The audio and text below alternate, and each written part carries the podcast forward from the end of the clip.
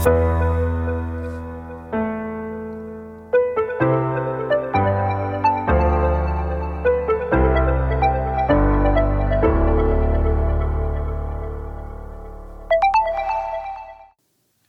bij deze podcast. Mijn naam is Roderick Timmermans en ik help vaders met persoonlijke groei in een rol als vader. Vandaag gaan we het hebben over enkele principes van bewust vaderschap. In de vorige podcast hebben we er al drie behandeld en ook in deze podcast behandelen we weer drie principes. Het eerste principe is: je kind is niet je bezit. Tweede is: wie is de leraar? Is de ouder de leraar of is het kind de leraar? Derde is: ouderschap is meer zijn dan doen. Wat vaak voorkomt is dat een ouder zijn of haar eigen onvervulde behoeftes, pijn uit kindertijd, projecteert op het kind. En soms zijn het dromen die de ouder zelf niet heeft waar kunnen maken, of kansen die de ouder zelf niet heeft gehad. Een succesvolle voetballer, verbinder, muzikaal talent, wat het ook mogen zijn. Of in mijn geval, als ik hier een eerlijke bekentenis mag gaan doen, is het kopen van Playmobil. Ik heb vroeger heel veel gespeeld, eindeloos gespeeld met Playmobil. Ik had hele verzamelingen en ik vond het echt fantastisch. Alleen, ik wilde heel graag dat piraatschip en dat heb ik eigenlijk nooit gehad.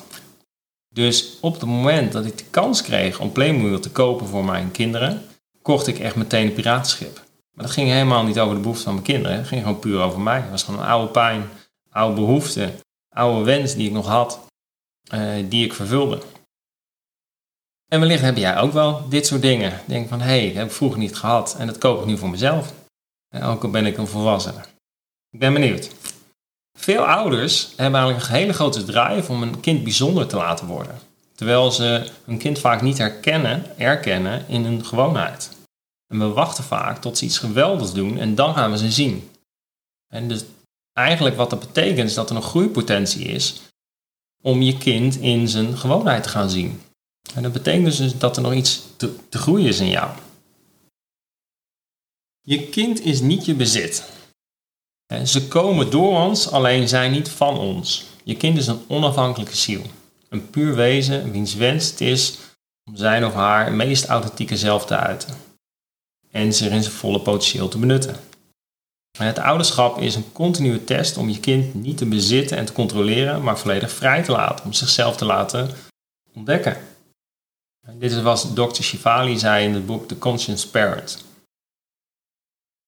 Ouders voeden op vanuit angst. Zijn daar vaak niet bewust van, maar dat is heel vaak wat gebeurt. Het kind heeft bijvoorbeeld slechte cijfers, waardoor de ouders in de stress schieten en dus druk op het kind gaan zetten. Terwijl het handig is om je kind te supporten, alleen dus zonder paniek of zorgen. Ook het sterk hechten aan je kind of aan spullen hè, zorgt vaak voor de meeste pijn.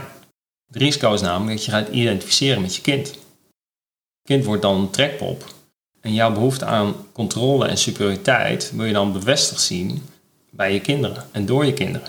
En de kunst is dus om dit uit jezelf te gaan halen in plaats van uit je kind. En wellicht vraag je jezelf nu af in hoeverre jij ook onbewust opvoedt vanuit angst. En dat is echt een hele mooie, waardevolle vraag die je zelf kan stellen. En vaders in de training, in de online training, werden bewust dat ze bijvoorbeeld nog heel kinderachtig konden reageren of heel onvolwassen op situaties vanuit eigenlijk een onbewust stuk. bijvoorbeeld hun kind te gaan plagen of onder druk te gaan zetten terwijl ze zelf geraakt waren of het gevoel hadden dat ze werden afgewezen door een kind. En kinderen nodigen ons eigenlijk uit om innerlijk werk te doen. En ze vragen je om over te gaan naar overgave, controle los te laten. Niet makkelijk, maar wel heel waardevol. Dit was het principe van je kind is niet je bezit. Volgende principe is, wie is de leraar? Veel ouders geloven dat wanneer er geen autoriteit is, het kind zich niet zal ontwikkelen tot de persoon die hij of zij bedoeld is om te worden. En de ouder laat het kind in de opvoeding zien dat het kind enkel kan leren van de ouder en niet andersom. En dat hoor ik ook wel eens terug bij kinderen. Zegt, ja, het ligt, uh, het ligt nooit aan hun, maar het ligt altijd aan ons. En zo kinderen moeten beleven. Ook met leerkrachten bijvoorbeeld. Terwijl het kind in het leven is gekomen voor jou om door te groeien. Kinderen triggeren namelijk delen in ons. Dat is de reden. En halen dingen in ons naar boven, zoals niemand anders dat kan. En die kunnen echt lekker onder je huid gaan zitten. En de kunst is dus om daar bewust van te worden. En wat wordt er nou in mij getriggerd? En welk deel van mij is mijn kind nu aan het triggeren? Kinderen en ook andere mensen of gebeurtenissen kunnen dus zo'n overgevoelige reactie bij jou oproepen. Nou, het bewust worden van wat jouw triggers zijn helpt je om te voorkomen dat je automatisch onbewust reageert. Dus je terugtrekt of boos wordt, allemaal niet helpende reacties. En als je bewust wordt van jouw triggers, kunnen ze iets aan doen en leren hoe je ermee om kan gaan. Zodat het minder of zelfs geen impact meer op je heeft. En negatieve gevoelens uitblijven. Het voorbeeld wat ik wel eens heb gegeven, is dat ik eerst heel direct reageerde als mijn kinderen gingen schelden. In een hele boze bui. En nu kan ik gewoon zien dat het een reactie is vanuit hun eigen onmacht. En later bespreken dat ik dat niet fijn vind, maar ik reageer er niet meer direct op. Dat is helemaal niet helpend. Uh, maar eerst was het echt een hele grote trigger voor mij. Triggers zijn ontstaan in het verleden. Als kind heb je pijnlijke en gevoelige ervaringen opgenomen waar je vroeger nog niet zo goed mee om kon gaan. Hier heb je dus onbewust gedrag op ontwikkeld om te voorkomen dat je pijn ervaarde. En nu je volwassen bent, roepen vergelijkbare ervaringen dus diezelfde gevoelens bij je op, met dezelfde negatieve reacties. Wellicht had je vroeger bijvoorbeeld een vader die last had van woedeaanvallen en was jouw automatisch onbewuste reactie om jezelf terug te trekken en een hoekje te kruipen. En doe je dit nog steeds dus op het moment dat iemand boos op je wordt, bijvoorbeeld je baas. Dit was het principe van wie is de leraar.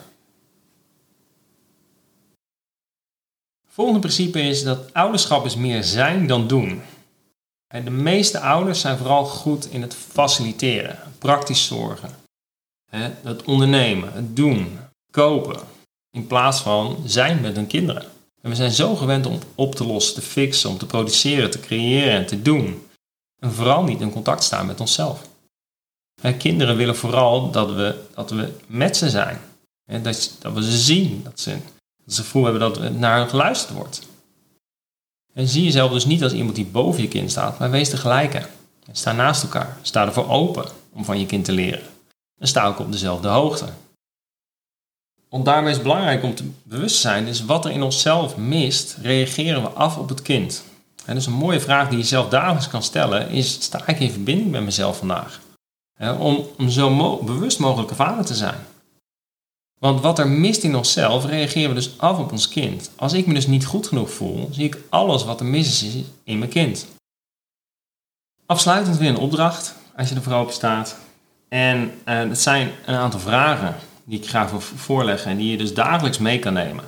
Dus stel jezelf de hele dag de volgende vragen met betrekking tot je kind. Of wellicht collega's, maar begin met je kind. Dus wat probeert het gedrag van je kind nou te vertellen over hoe ze over je denken? Of wat moet ik doen om hun gedrag te stimuleren? En wat is die behoefte die aandacht vereist? En wat ligt er dus onder de oppervlakte bij je kind? Welke behoefte heeft nou aandacht nodig? Niet wat ze zeggen, maar met name wat zit daar nou onder? En wat moet ik doen of veranderen om aan deze behoefte te kunnen voldoen? En moet ik gedrag aanpassen? En dus mijn zoon kan bijvoorbeeld lelijk gaan doen terwijl hij eigenlijk een knuffel wil. Nou, dan kan ik bijvoorbeeld heel simpel elke dag, elke ochtend hem heel liefdevol wakker maken en een knuffel geven. Wordt slapen gaan, even masseren. Allemaal kleine, kleine dingen die ik kan veranderen in mijn gedrag om te voldoen aan de behoeften van mijn kind.